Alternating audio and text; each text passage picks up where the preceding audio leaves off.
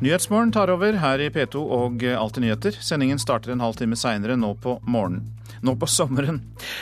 Her kan du høre mer om rumenere som fyller opp eh, norske fengsler. Vi skal også høre om SV som lekker velgere i flere retninger, for partiet har mistet grepet om egne hovedsaker, ifølge NRKs valgekspert.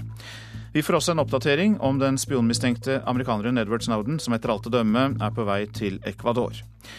Og den eh, palestinske flyktningen Mohammed Asaf har vunnet den arabiske utgaven av Idol.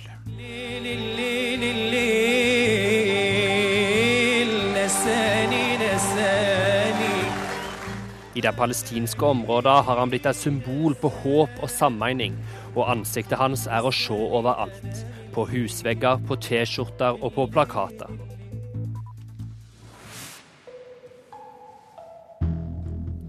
Som vi hørte i Dagsnytt, eh, Norge sliter med å få sendt kriminelle rumenere hjem til Romania, slik at de kan sone straffen der. En avtale om soningsoverføring mellom Norge og Romania, som ble inngått i 2010, skulle få fart på sakene, men foreløpig er ikke en eneste rumener blitt sendt hjem for å sone som resultat av denne avtalen. I stedet er det blitt flere rumenere i norske fengsler. Nå har de spisepause. Da er det lufting i i den luftegården der.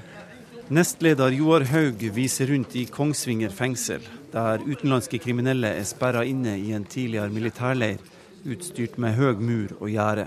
De skal utvises ved løslatelse, eller eventuelt overføres til soning i hjemlandet.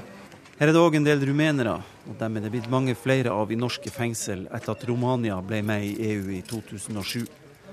Derfor undertegna daværende justisminister Knut Storberget i 2010 en avtale som skulle gjøre det enklere å sende dem hjem for å sone. Og Prosessen til nå har jo gått altfor treigt når det gjelder det å få soningsoverført. og Dette er en avtale som vil gjøre det raskere. Men det har gått heller tregt, innrømmer statssekretær i Justisdepartementet Kristin Bergersen. Vi har oversendt eh, elleve anmodninger eh, etter at avtalen ble ratifisert i fjor eh, vår men ingen er overført eh, til noen. Det å ha en fange i fengsel er jo kostbart, både i Norge og i Romania. Det er kanskje ikke så rart at uh, Romania ikke er så veldig interessert i å ta imot de her fangene?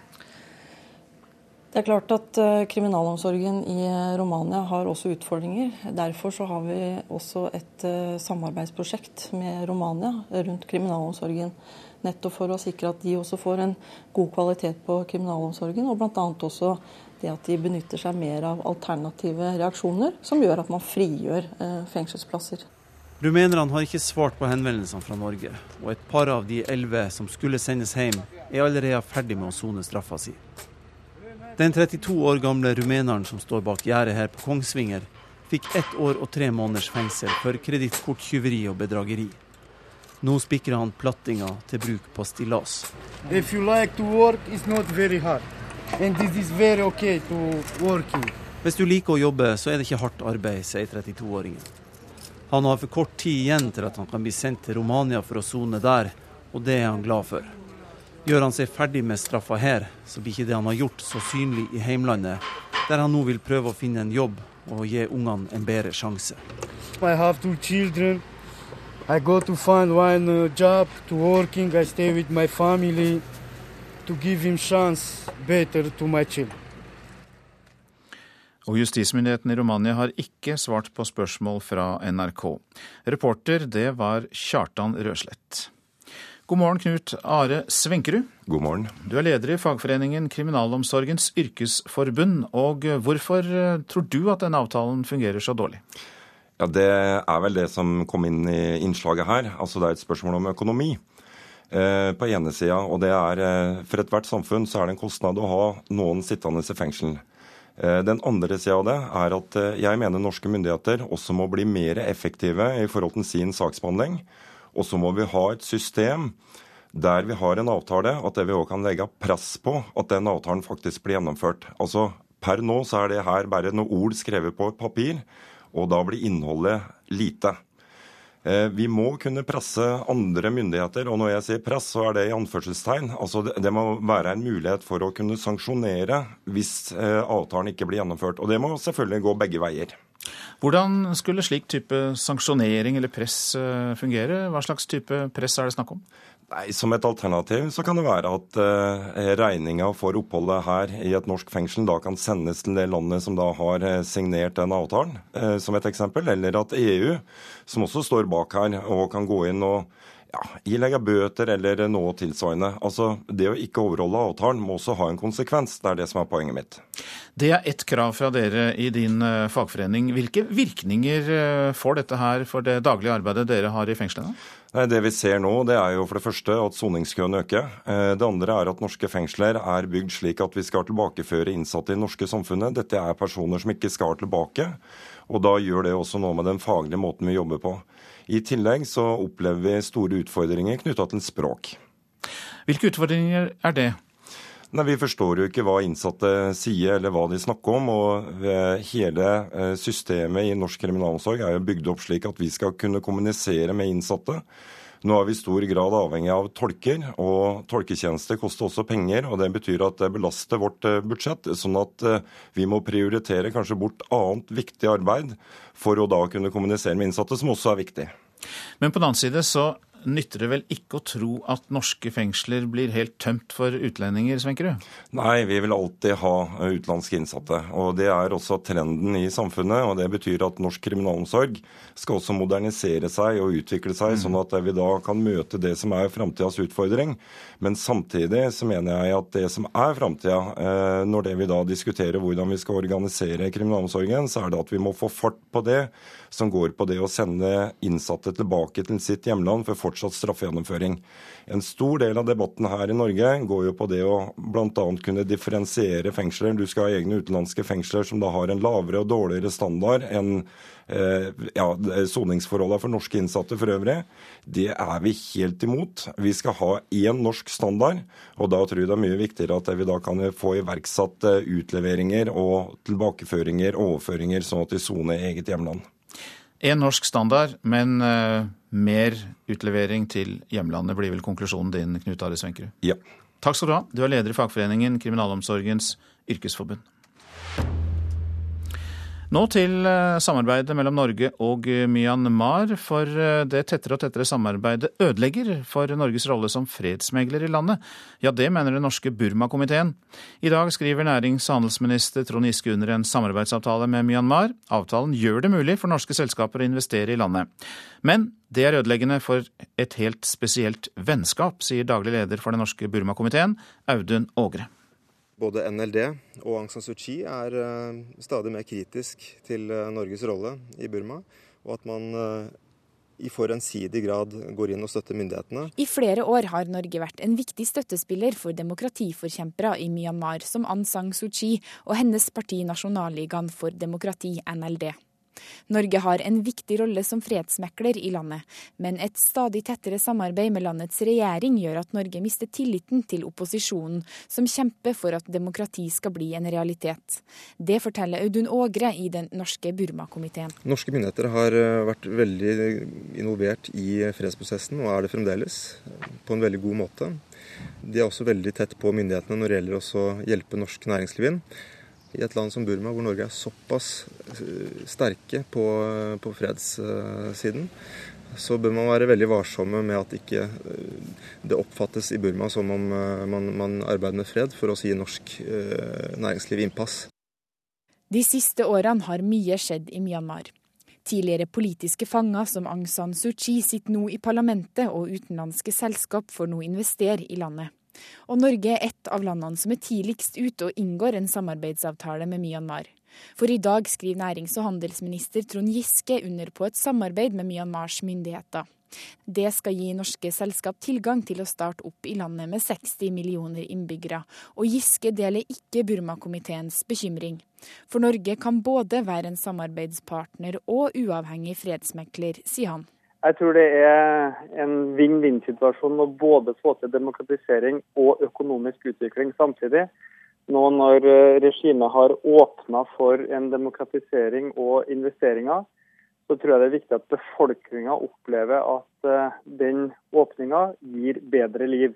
Hvis de ser at eh, demokratisk utvikling går hånd i hånd med velstandsutvikling. Da forsterker vi demokratiutviklinga, og det er det jeg håper norske selskaper også kan bidra til. Ja, vi syns det er veldig viktig at norske myndigheter tør å stille sterke krav til burmesiske myndigheter når det gjelder menneskerettigheter og demokratiutvikling, eh, selv om det kan gå utover norske næringsinteresser.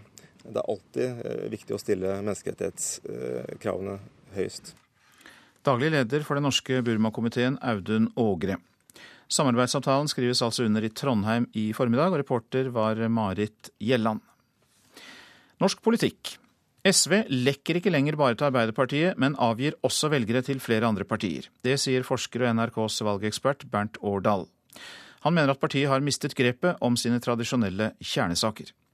SV går inn i valgkampen med en gjennomsnittlig oppslutning på meningsmålingene på under 5 for det første så ser vi at det ligger relativt svakt an på meningsmålingene. Men mer bekymringsfullt for SV er at eh, vi over tid har sett at de har mistet mye av grepet blant velgerne sine når det gjelder hovedsakene eh, skole og utdanning på den ene siden, og også miljø. Bernt Årdal sier at SV gjennom lang tid har avgitt stemmer til Arbeiderpartiet. Lekkasjen til Ap er avtatt, men i stedet lekker SV til flere andre partier. Men nå ser vi til gjengjeld at de mister velgere til, til, veldig mange partier, også til Miljøpartiet. Og dette gjelder ikke bare de lokale målingene som vi har sett for Oslo, men også på landsmålingene. Årdal sier det er alvorlig for SV når det avgir velgere til flere kanter. Ikke bare til Arbeiderpartiet og De Grønne, men også til partier som Venstre og Rødt. Og Det betyr at det er mye vanskeligere å hente disse velgerne tilbake igjen knyttet til én eller noen få saker. SV er enig i en positiv utvikling. I Stortingets vandrehall møter vi Audun Lysbakken på den siste dagen før sommerferien. Han er optimist til tross for dårlige meningsmålinger, og at partiet står foran et valg som kan bli avgjørende for SVs fremtid. Tallenes tale er klar.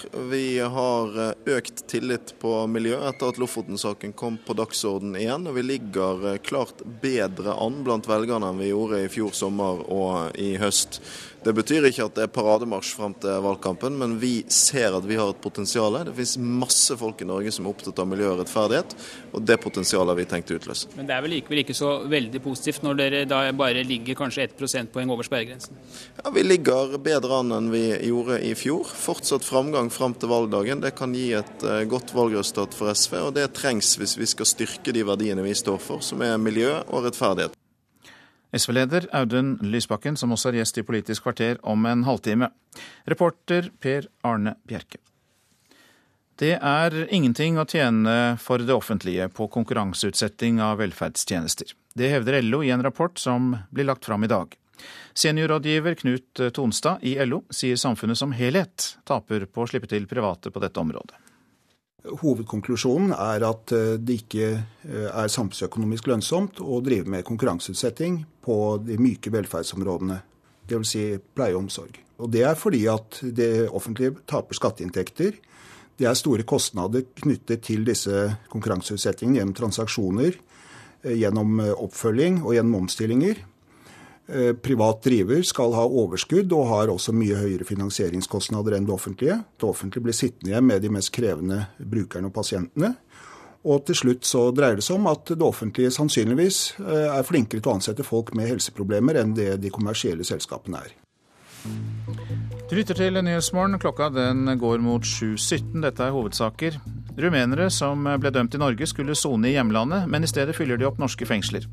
Her i Nyhetsmorgen sa lederen for Kriminalomsorgens yrkesforbund, Knut Are Svenkerud, at Norge må legge hardere press på rumenske myndigheter. SV lekker ikke lenger bare til Arbeiderpartiet, men avgir også velgere til flere andre partier, sier valgekspert.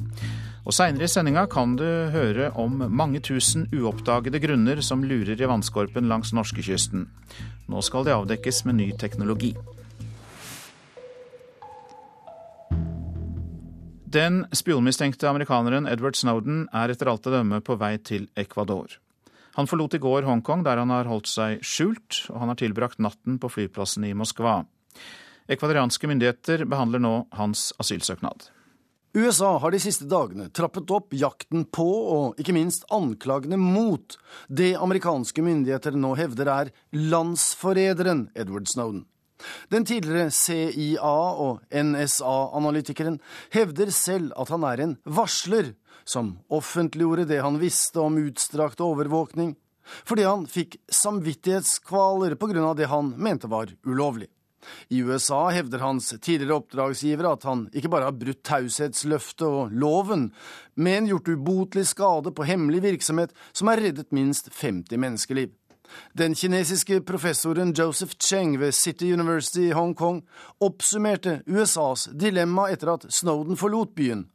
Amerikanerne vet nemlig ikke helt hva Snowden vet. I believe that the Obama administration will, continue to be in a rather difficult situation because certainly Mr. Snowden is expected to release more and more information which will uh, continue, continue to embarrass uh, the United States. At amerikanske myndigheter formelt har annullert passet hans, vil etter alt å dømme ikke være til hinder for at han kan fortsette reisen fra Moskva, og i hvert fall ikke være til hinder for at han som asylsøker kan være i transitt i Havanna eller komme inn i Ecuador. Den lille republikken på Sør-Amerikas vestkyst har en folkevalgt, venstreorientert USA-kritisk president, og en befolkning som gjerne hjelper annerledestenkende, som han andre som Miguel Suárez sier, og tenker på Wikileaks-gründeren Julian Assange. Como ya dieron asilo al otro señor también, creen que aquí es un sitio de paz y de tranquilidad para que nadie les moleste, ¿no? Assange har i ett år nå sittet i den ekvadorianske ambassaden i London, et geopolitisk adskillig mer komplisert oppholdssted enn transitthallen i Moskva. Men Assange har på en måte gått opp løypa for varslere og lekkere. Edward Snowden har fått hjelp av Wikileaks-aktivister til å planlegge sin flukt, og slik det nå ser ut, så kan han lykkes i å slippe unna en alvorlig rettssak i hjemlandet, og, i hvert fall så lenge Rafael Correa er president i Ecuador, få opphold der. Joar Ho Larsen orienterte. Nå om den arabiske utgaven av Idol. Den palestinske flyktningen Mohammed Asaf vant i helgen konkurransen, og eh, den 22 år gamle mannen får nå æren av å ha bidratt til å forene det palestinske folk, som har opplevd så mye motgang. Arab Idol.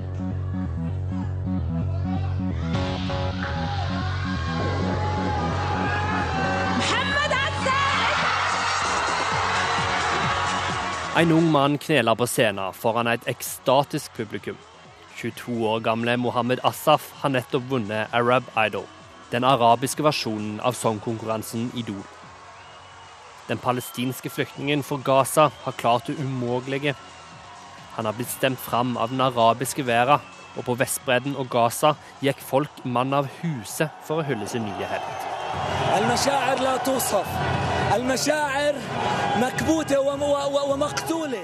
I dag brakte Mohammed Asaf glede tilbake til livet vårt. Han sa til ei heil vær at vi ikke liker blod, vi liker fred, og vi jobber for den freden. Mohammed sang for freden, fanger og martyrer, sier Ayman Kawasmi, som bor i Hebron på Vestbredden. Asaf sitt sangtalent har bidratt til det sammeinede palestinske folket, som de siste tiåra har hatt lite å glede seg over. Med et palestinsk flagg rundt halsen retta Assaf en takk til det palestinske folket etter sigeren var et faktum.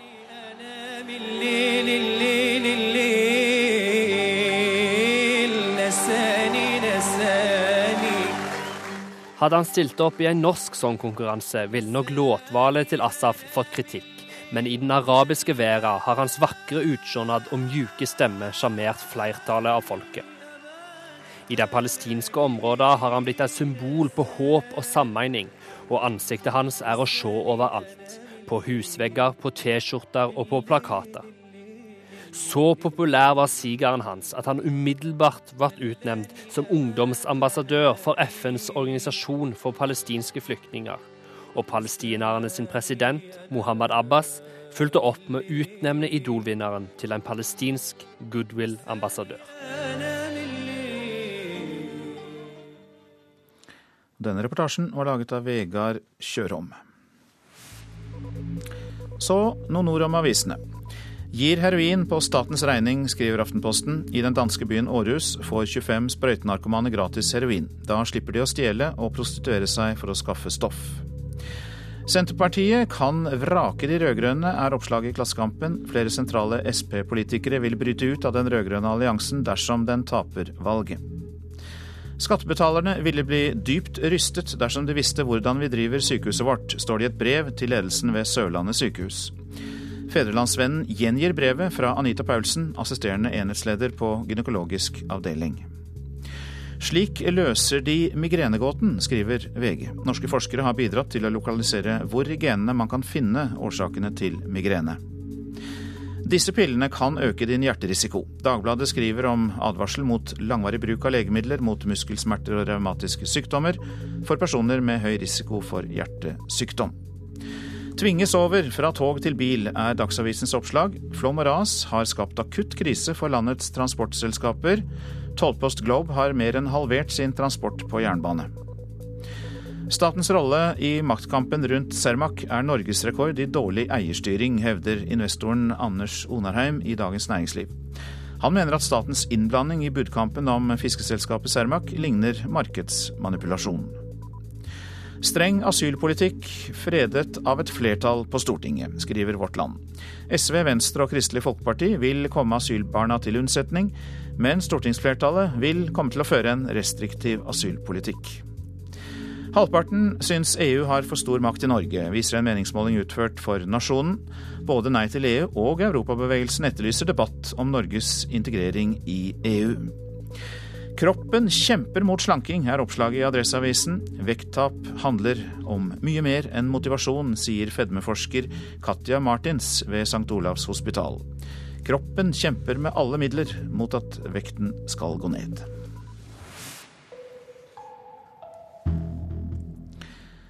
Uoppdagede grunner lurer i vannskorpen langs norskekysten. Det kan være opptil 35 000 av dem. Nye og bedre kart skal etter hvert komme fra Kartverket, takket være ny teknologi. Men med dagens tempo kan det ta over 30 år før jobben er gjort. Har en Apollo 32 ligger ytterst her på det vi kaller Dollarbrygga.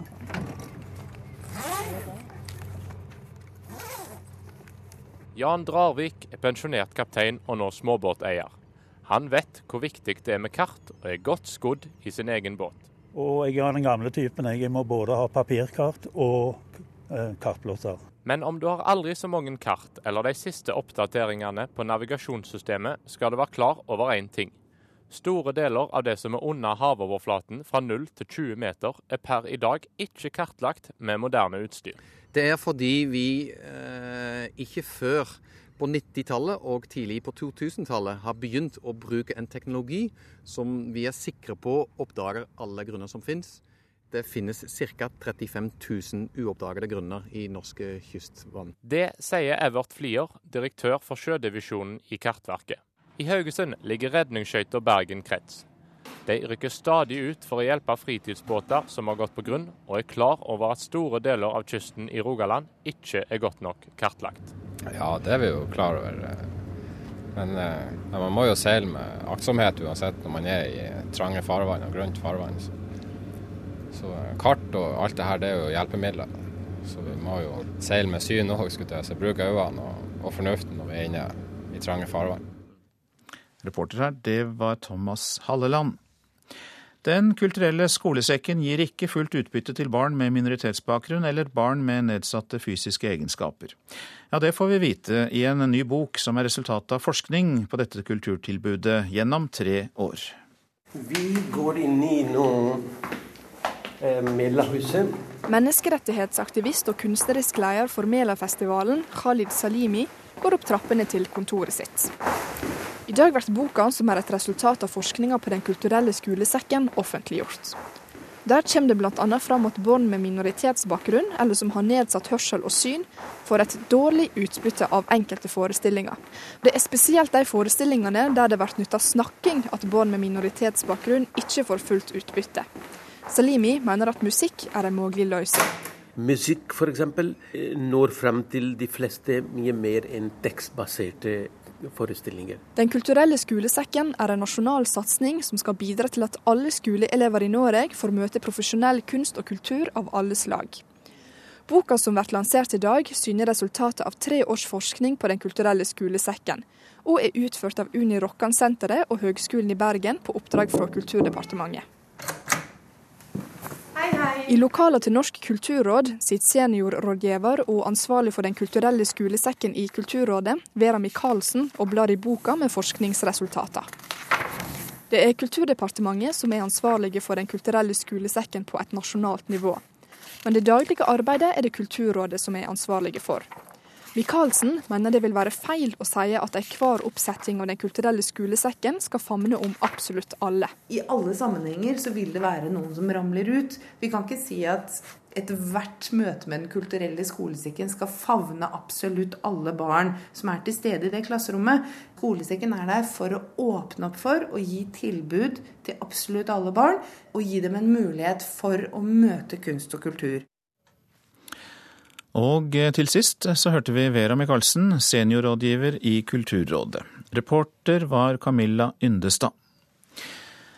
Nå feires verdens største musikkfestival i 500 byer over hele verden.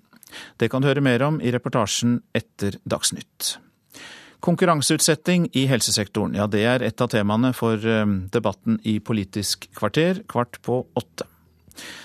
Produsent for Nyhetsmorgen i dag, Anne Jetlund Hansen. Her i studio, Øystein Heggen. Og så legger vi til, NRK har fått et nytt tipsnummer. Det er 03030. 03030. Det kan ta imot både samtaler, SMS og MMS.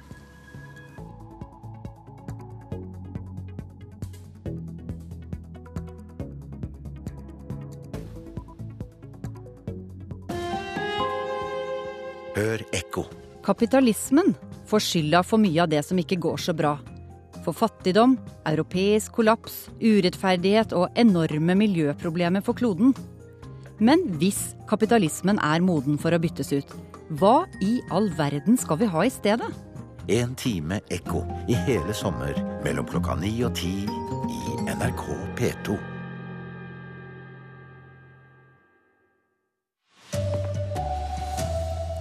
Rumenere som dømmes i Norge, skulle sone i hjemlandet. I stedet blir de sittende i norske fengsler.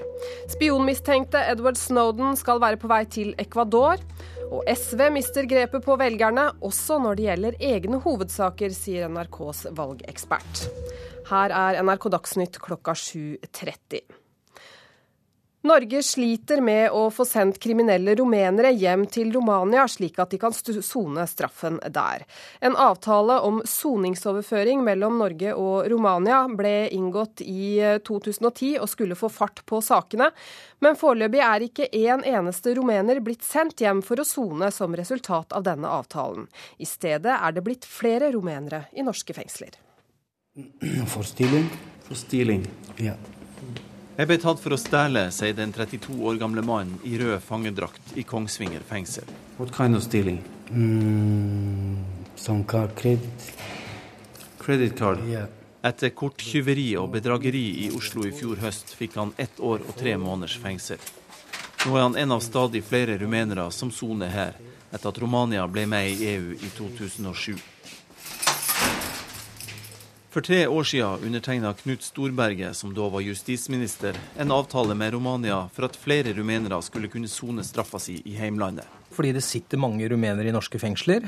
Og prosessen til nå har jo gått altfor treigt når det gjelder det å få soningsoverført. Og dette er en avtale som vil gjøre det raskere og skape bedre muligheter. Men så langt har avtalen fungert heller dårlig, innrømmer statssekretær Kristin Bergersen i Justisdepartementet. Vi har oversendt eh, elleve anmodninger eh, etter at avtalen ble ratifisert i fjor eh, vår, men ingen er overført til nå. Rumeneren vi treffer, slipper òg å sone hjemme. Han har for kort tid igjen av straffa, og det er han glad for. For hvis han gjør seg ferdig med soninga her, så kommer det ikke så tydelig fram i papirene hans i Romania.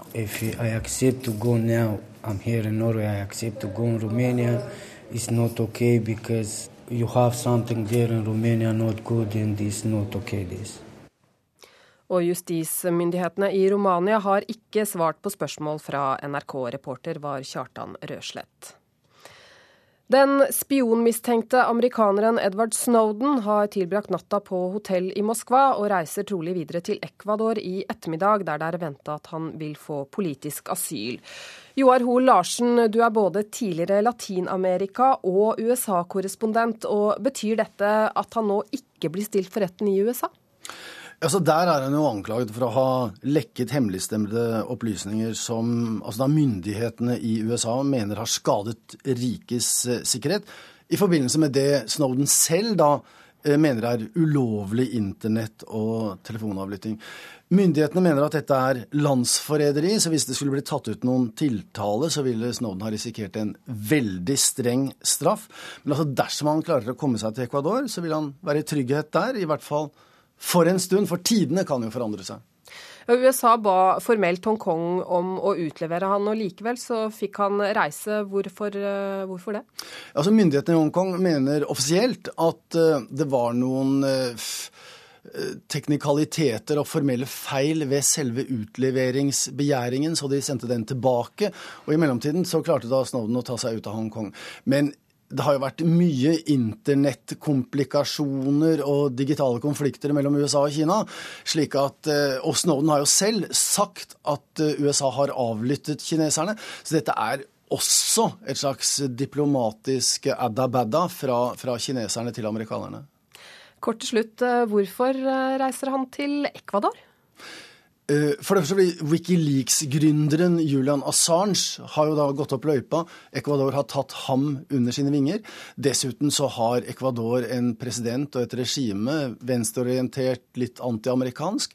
Og, og dette er en markering fra, fra president Rafael Koreas side om at de er selvstendige og uavhengige av USA. Takk skal du ha, Joar Hoel Larsen skal hjem igjen og høre at SV ikke bare mister velgere til Arbeiderpartiet, men de avgjør også velgere til flere andre partier, sier forsker og NRKs valgekspert Bernt Årdal.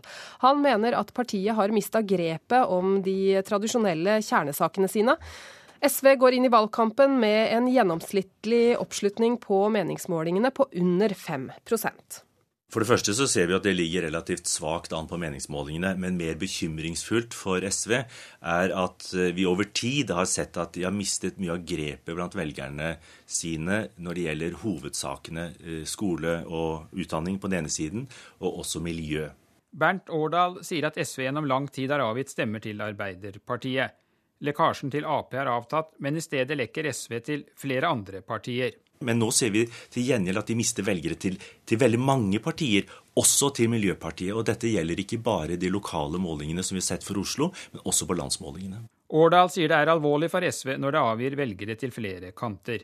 Ikke bare til Arbeiderpartiet og De Grønne, men også til partier som Venstre og Rødt. Og Det betyr at det er mye vanskeligere å hente disse velgerne tilbake igjen knyttet til én eller noen få saker. SV er enig i en positiv utvikling. I Stortingets vandrehall møter vi Audun Lysbakken på den siste dagen før sommerferien. Han er optimist til tross for dårlige meningsmålinger, og at partiet står foran et valg som kan bli avgjørende for SVs fremtid. Tallenes tale er klar. Vi har økt tillit på miljø etter at Lofoten-saken kom på dagsorden igjen. Og vi ligger klart bedre an blant velgerne enn vi gjorde i fjor sommer og i høst. SV-leder Audun Lysbakken er gjest i Politisk kvarter på P2 kvart på åtte, og i formiddag så oppsummerer SV det siste halvåret på en pressekonferanse. Reporter her var Per Arne Bjerke. Det er ingenting for det offentlige å tjene på å konkurranseutsette velferdstjenester. Det hevder LO i en rapport som blir lagt fram i dag. Seniorrådgiver Knut Tonstad i LO sier samfunnet som helhet taper på å slippe til private på dette området. Hovedkonklusjonen er at eh, det ikke eh, er samfunnsøkonomisk lønnsomt å drive med konkurranseutsetting på de myke velferdsområdene, dvs. Si pleie og omsorg. Og Det er fordi at det offentlige taper skatteinntekter. Det er store kostnader knyttet til disse konkurranseutsettingene gjennom transaksjoner, eh, gjennom oppfølging og gjennom omstillinger. Eh, privat driver skal ha overskudd og har også mye høyere finansieringskostnader enn det offentlige. Det offentlige blir sittende igjen med de mest krevende brukerne og pasientene. Og til slutt så dreier det seg om at det offentlige sannsynligvis eh, er flinkere til å ansette folk med helseproblemer enn det de kommersielle selskapene er. Norsk samarbeid med regjeringa i Myanmar går utover rollen som fredsmekler, det mener den norske Burma-komiteen. I dag skriver Norge under på en avtale med Myanmar som gjør det mulig for norske selskaper å investere i landet. Dette går utover ryktet vårt eh, blant demokratiforkjemperne i landet, det sier leder for den norske Burma-komiteen, Audun Ågre. Både NLD og Aung San Suu Kyi er eh, stadig mer kritisk til eh, Norges rolle i Burma og at man eh, i for ensidig grad går inn og støtter myndighetene. Norge har en viktig rolle som fredsmekler i landet, men et stadig tettere samarbeid med landets regjering gjør at Norge mister tilliten til opposisjonen, som kjemper for at demokrati skal bli en realitet i landet. Det hevder Audun Ågre i den norske Burma-komiteen. I dag skriver Norge under på en samarbeidsavtale med Myanmars myndigheter. En avtale som gjør det mulig for norske selskap å starte opp i landet.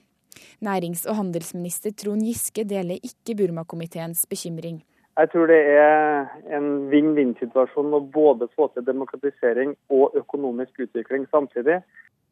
Reporter Marit Gjelland. Sport nå, det er delte meninger om Vålerenga-trener Kjetil Rekdals refsing av profesjonaliteten til norske fotballspillere, og sammenligninga med tyske. Viking-trener Kjell Jonevre mener hans spillere er gode nok, men at Vålerenga kunne hatt godt av et opphold i Tyskland. Han får vel sende ned sine gubber dit, så de også bør plukke litt poeng. Jonevre er ikke enig med Rekdal som før helgen kom med denne kraftsalven mot norske fotballspillere. Så Sammenligner en tysk fotballspiller med en norsk, så er en tysker eh, ganske mange, mange prosent mer profesjonell i, i, både livsstil, kosthold, jobb før trening, under trening, etter trening. Rekdal han er jo guru her i landet, så at, eh, om han sier det, så er det vel rett, kanskje. Men jeg har ikke vært ute i Europa så mye som han. så at, Jeg syns i alle fall at Vikinglaget trener på veldig bra. Jeg syns Vikinglaget spiser bra. Rekdal får delvis støtte av starttrener Mons Ivar Mjelde. Noen av spillerne våre er veldig seriøse og tar idretten sin veldig på alvor.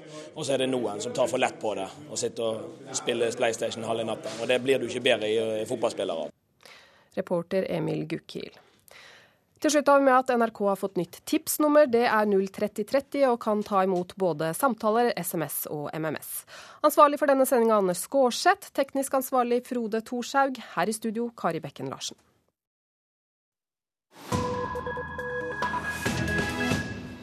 Dette er P2s Nyhetsmorgen. Nå feires verdens største musikkfest, Fette la Musique, som begynte i Frankrike, men som nå markeres i 500 byer over hele verden. Vi skal til Berlin, der vår reporter Arnt Stefansen tok del i feiringen i helgen.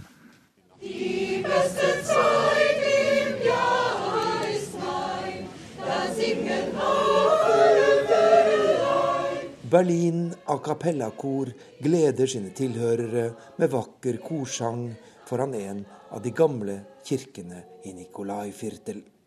Fête de la musique i Berlin spenner vidt og bredt, med alt fra rock via visesang til klassisk musikk, fordelt på mer enn 100 scener rundt om i den tyske hovedstaden denne midtsommernattshelgen. Wie finden Sie diese Idee, Fête de la Musique? Die finde ich sehr gut. Fête de la musique er en veldig god idé, sier en av de besøkende i Nikolai Firtel, Hans Tele. Her kan alle slippe til med sine musikalske bidrag, og på en vakker kveld som denne gir det en virkelig flott stemning i byen. Hva betyr et slikt arrangement for Berlin, spør jeg. Det har en stor verdi i tillegg til alle de andre tilbudene denne byen har. Nå i sankthanshelgen, med så mange turister i byen, er dette arrangementet et opplagt pluss, både for tilreisende og fastboende sier han.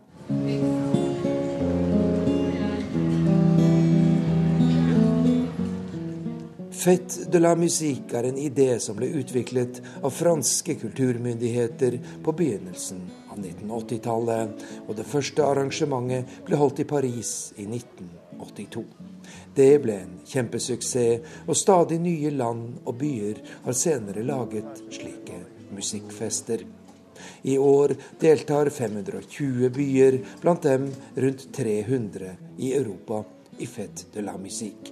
Og arrangementet er å finne i så ulike land som Italia, Egypt, Vietnam, Kongo, Chile, Nepal og Japan.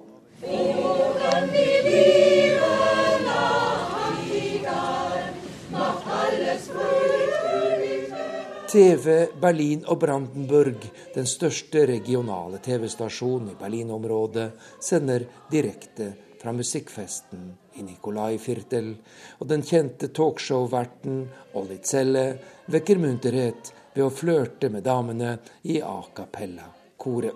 Dette er et arrangement vi bruker store ressurser på å dekke, sier programlederen. Wenn in Berlin 90.000 bis 100.000 Menschen zusammen Um Når mellom 90 og 100 000 mennesker kommer sammen her i Berlin for å høre lokale og internasjonale artister, så må vi som allmennkringkaster selvsagt være på plass. Berlin er en by med et sterkt musikkliv. Vi har et utall klubber og konsertlokaler. Lokale bands hevder seg godt, og det kommer mange gode internasjonale artister for å bo her. Det er jo et utmerket utgangspunkt for å skape en god musikkfest som denne, sier den kjente TV-journalisten.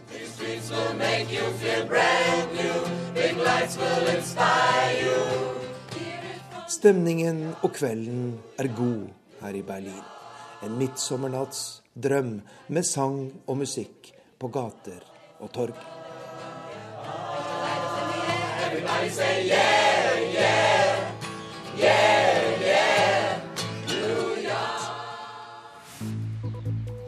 Dette er P2s Nyhetsmorgen, og dette er hovedsakene. Rumenere som ble dømt i Norge skulle sone i hjemlandet, men i stedet fyller de opp norske fengsler. Spionmistenkte Edward Snowden skal være på vei til Ecuador. Og SV lekker ikke lenger bare til Arbeiderpartiet, men avgir også velgere til flere andre partier, sier valgekspert. Og det er også tema hos deg i Politisk kvarter, Håvard Grønli, for eh, SV mister grepet om både skole- og miljøpolitikken. Og vi skal spørre partilederen hvor stort problem det er.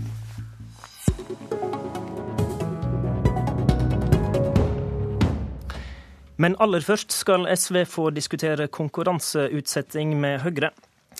For um, som vi har hørt, i dag legger LO fram en uh, rapport om konkurranseutsetting i velferdssektoren. Knut Tonstad, du er um, seniorrådgiver i LO og har skrevet denne rapporten. Har samfunnet noe som helst å tjene på konkurranseutsetting av helse- og omsorgstjenester? Nei, det har de ikke. Denne rapporten viser at det, det ikke er tilfellet. Og det er mange internasjonale rapporter som viser det samme. At eh, de ansatte taper, de private driverne vinner, og samfunnet som helhet har ikke noe å vinne på det. Hva er grunnene til det etter eh, LOs syn? Ja, Det er flere grunner. For det første så går jo skatteinntekter fra de ansatte ned, fordi at eh, skatt og pensjon er jo dårligere. Så skjer det en stor grad av skattetilpasning i, i denne sektoren. Eh, den kommersielle driveren skal jo ha et overskudd, og i tillegg så har den eh, kommersielle mye høyere finansieringskostnader enn det offentlige. Det er jo store kostnader også knyttet til selve konkurranseutsettingen.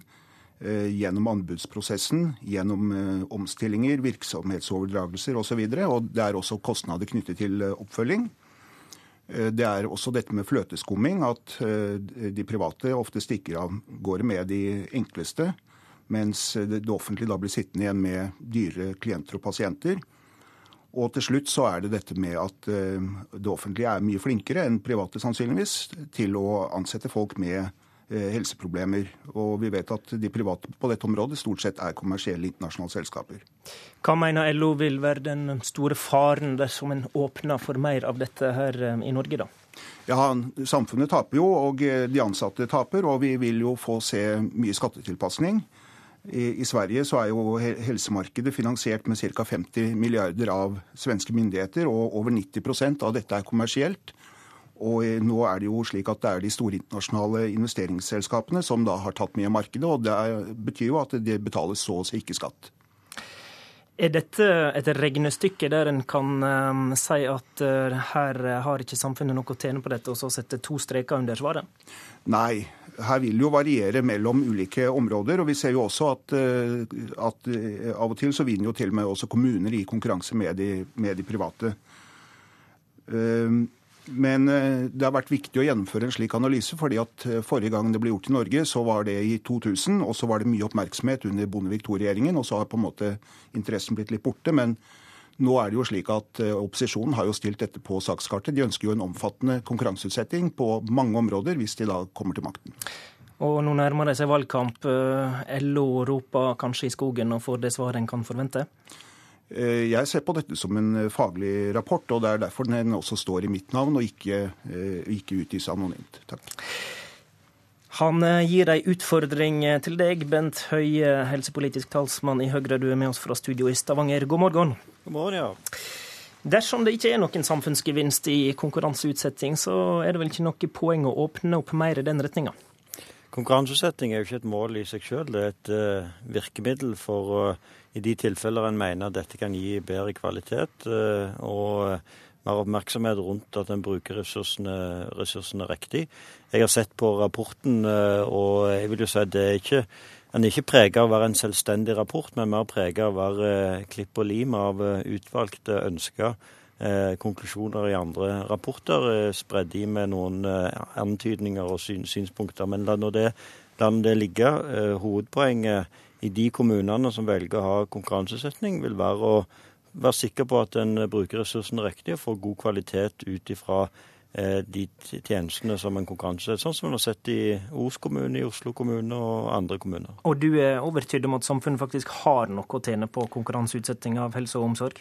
Ja, i, eh, innenfor enkelte områder, eh, men det må vurderes konkret i, i den enkelte kommune. Sånn som Fagforbundet sin hovedtillitsvalgte sa det i Os etter at kommunen sjøl der hadde vunnet Eh, konkurranseutsetting av et sykehjem i konkurranse med, eh, med andre private aktører, og kommunen vant sjøl, så sa hovedtillitsvalgt i Os at eh, sitat, kommunen har måttet skjerpe seg, det er viktig. Kommunen må ikke sove nå, nå som de har vunnet. De må være med på Eh, være på hugget og, og, og, eh, og, ikke være fornøyde med seg sjøl. Det syns jeg er god, godt, en, egentlig en god konklusjon på hvorfor det i noen tilfeller kan være lurt å ha en kombinasjon av noen privatdrevne sykehjem, kommunalt drevne og ideelt drevne sykehjem i en kommune. Og hvis fagforeningsrepresentanter ser det poenget, Audun Lysbakken, SV-leder, så kan det vel være at du ser det poenget òg? Jeg er veldig for å ha private i velferden når de er ideelle.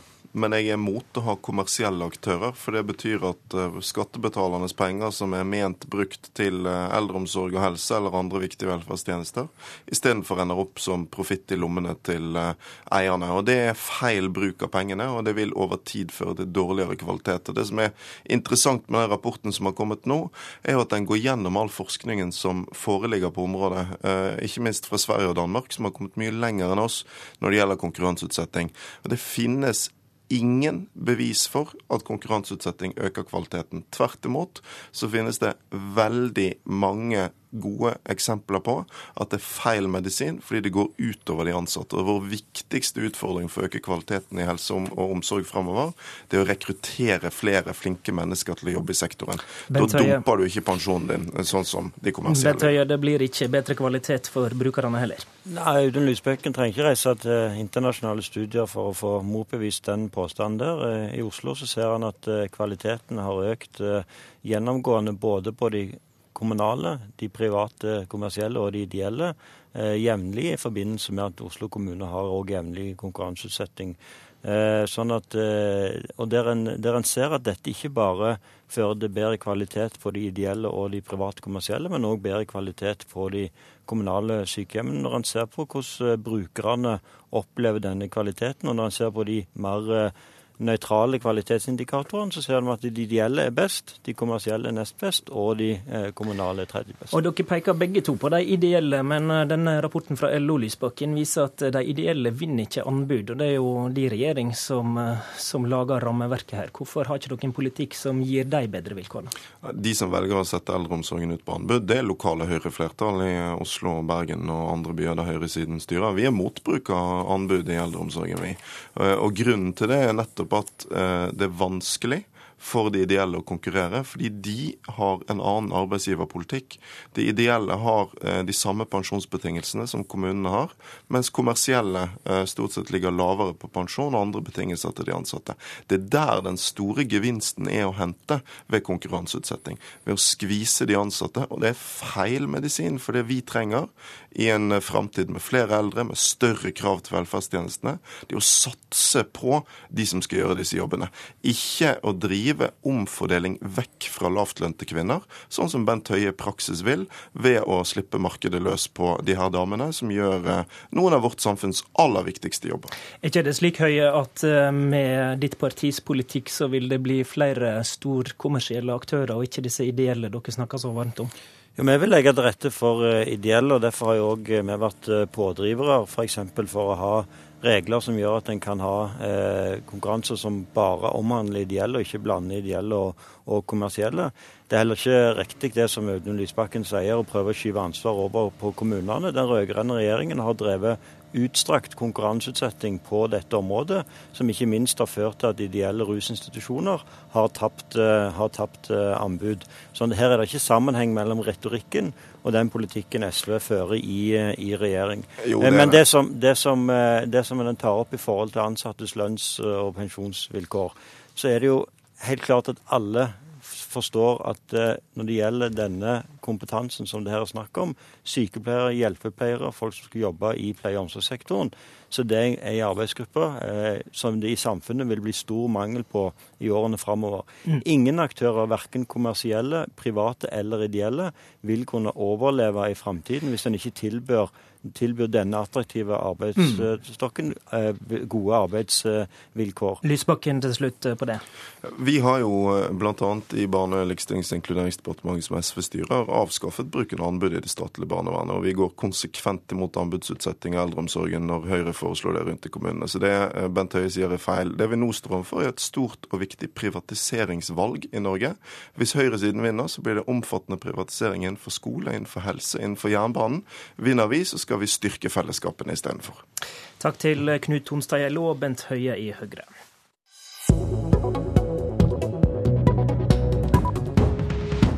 de har mistet mye av grepet blant velgerne sine når det gjelder hovedsakene eh, skole og utdanning på den ene siden, og også miljø. Ja, dette er forsker Bent Årdal sin SV-analyse i dag, Audun Lysbakken. Du oppsummerer den politiske sesongen politiske sesongen i dag. Eh, peker Årdal på et reelt problem for deg når han sier at dere har mista grepet på um, skolepolitikk og miljøsaker?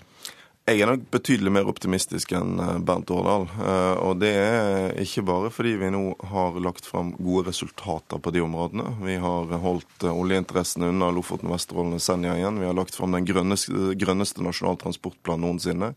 Vi har fått i land et klimaforlik, og klimagassutslippene går ned. Samtidig som norske skoleelever sine resultater går opp. Men også fordi at de velgeranalysene som er gjort denne våren, har vist at SV sin tillit blant miljøvelgerne har økt etter at Lofoten-saken kom på dagsordenen igjen. Vi er altså det partiet med tredje høyest tillit til skolepolitikken, noe som jeg syns er veldig solid for et lite parti. Så, men, så det er et bilde jeg ikke deler. Men la oss ta to ferske eksempel fra skolepolitikken. Utdanningsforbundet mener dere burde bruke penger på noe annet enn leksehjelpreformen. Og de mener mangelen på en skikkelig endring på, av um, sidemålsundervisninga er pinglete. Hvorfor skal eh, lærere stemme på et parti som er uenig med dem på sentrale punkt i skolepolitikken? Da? Fordi vi er enige om det aller viktigste, eh, og det er at det trengs flere lærere, og at vi må legge bedre til rette for lærerne i årene som kommer. SV har også stått i spissen for at det nå øremerkes midler til 600 nye lærere eh, i år. Vi er det eneste partiet som snakker høyt og tydelig om økt lærertetthet i skoledebatten. Men den statistikken og... er jo ikke vesentlig forbedra på de åtte åra dere har hatt makt. Er du fornøyd med det dere har fått til på det området, da? Ja, Hvis du ser på det som er situasjonen i norsk skole i dag, så er altså eh, elevenes resultater i bedring. Det er jo det aller viktigste. Men vi har også lagt om skolehverdagen sånn at vi har satset mer på en praktisk skole i ungdomsskolen i videregående skole. Det vil gi viktige resultater når det gjelder redusert frafall i framtiden. Og vi har satset på lærerne Både gjennom å sørge for at det blir flere av de, men også gjennom å få slutt på den krigen som var mellom lærerne og myndighetene da Kristin Clemet var kunnskapsminister. I tillegg så har vi stoppet privatiseringspolitikken. Og Det viktigste for norsk skole fremover er å styrke fellesskolen istedenfor å følge høyresiden sin politikk med privatisering, med mer nivådeling, med karakterer i barneskolen. Det er et viktig veivalg norsk skole står foran, og jeg tror at eh, vi har flertallet av lærerne med oss i den retningen vi ønsker å gå selv om vi selvfølgelig ikke kan være enig i absolutt alle spørsmål. På eh, miljøområdet så gjør Miljøpartiet De Grønne tidvis gode målinger nå, og har et stortingsmandat fra Oslo i ei fersk måling. Den målinga viste at én av tre miljøpartisympatisører stemte SV i 2009. Det er vel et problem for dere? Jeg kommer ikke til å bruke denne valgkampen på å kritisere andre partier som er opptatt av miljø. Jeg mener hovedproblemet er at de store partiene ikke er nok opptatt av miljø. Derfor så må eh, miljøkonflikten i denne valgkampen handle om at de partiene som er opptatt av det, utfordrer de store partiene. Hva, hva, hva kan du gjøre for å få tilbake de miljøvelgerne? Jeg, eh, nå er jo bildet for det første at hvis du sammenligner SV sin oppslutning i dag med for et eh, år tilbake, så ligger vi jevnt over bedre an. Og det betyr at vi er i en tendens som vi syns er god. Eh, så tror vi at det er fordi vi er et parti for miljø og rettferdighet at vi har et potensial til å gjøre det bra. Vi er både et grønt og et rødt parti. Vi er et parti for de som setter klima og miljø først. Og så er vi et parti for de som samtidig er opptatt av venstresiden sin økonomiske politikk, av fordeling, av et rettferdig og godt arbeidsliv og kamp mot privatisering. For de som setter den kombinasjonen høyest, så er SV det riktige partiet. Det er partiet som er både grønt og rødt. Så rekker vi ei siste kjernesak til slutt. Hva tror du folk legger mest merke til? Ditt forslag om amnesti for asylbarn som har vært her i tre år, eller at Neda ble eh, sendt ut av politiet midt på natta? Det vil alltid være sånn at uh, det er de barna som blir sendt ut, som uh, utløser overskriftene. De barna som har fått bli i Norge fordi SV har sittet i regjering, de er det ingen overskrifter om, heldigvis. Det vi har fått til i regjering, har betydd at svært mange barn har fått bli. Men jeg er ikke fornøyd så lenge vi får utsendelser av den typen vi hadde med det. Og derfor så har vi sagt at... Og du vil fortsatt sitte i en regjering som forvalter den politikken? Vi vil sitte i en regjering der vi kan få til resultater for barna. Og svært mange barn har fått bli pga. endringer SV har fått til. Da vil det selvfølgelig være feil å svikte de barna ved ikke å ta det ansvaret. Men vi jobber utålmodig for videre endringer, sånn at vi aldri skal få saker som den med Neda igjen. Det betyr at vi må ha et regelverk som i enda større grad enn i dag slå fast at det er barnets beste som til slutt skal veie tyngst. Det kommer til å bli en av hovedsakene for SV hvis vi kommer til Soria Moria 3. Og jeg tror, selv om det ofte har vært uenigheter på rød-grønn side om dette, at vår mulighet til å vinne fram med Arbeiderpartiet er bedre enn Venstre og KrF sin mulighet til å vinne fram med Fremskrittspartiet. Det sa SVs partileder Audun Lysbakken, som åpenbart er i valgkampmodus. Valgkampen er så smått i gang. I går eh, lanserte vi i NRK vår valgomat. Vil du finne ditt parti, så går du inn på nrk.no valgomat.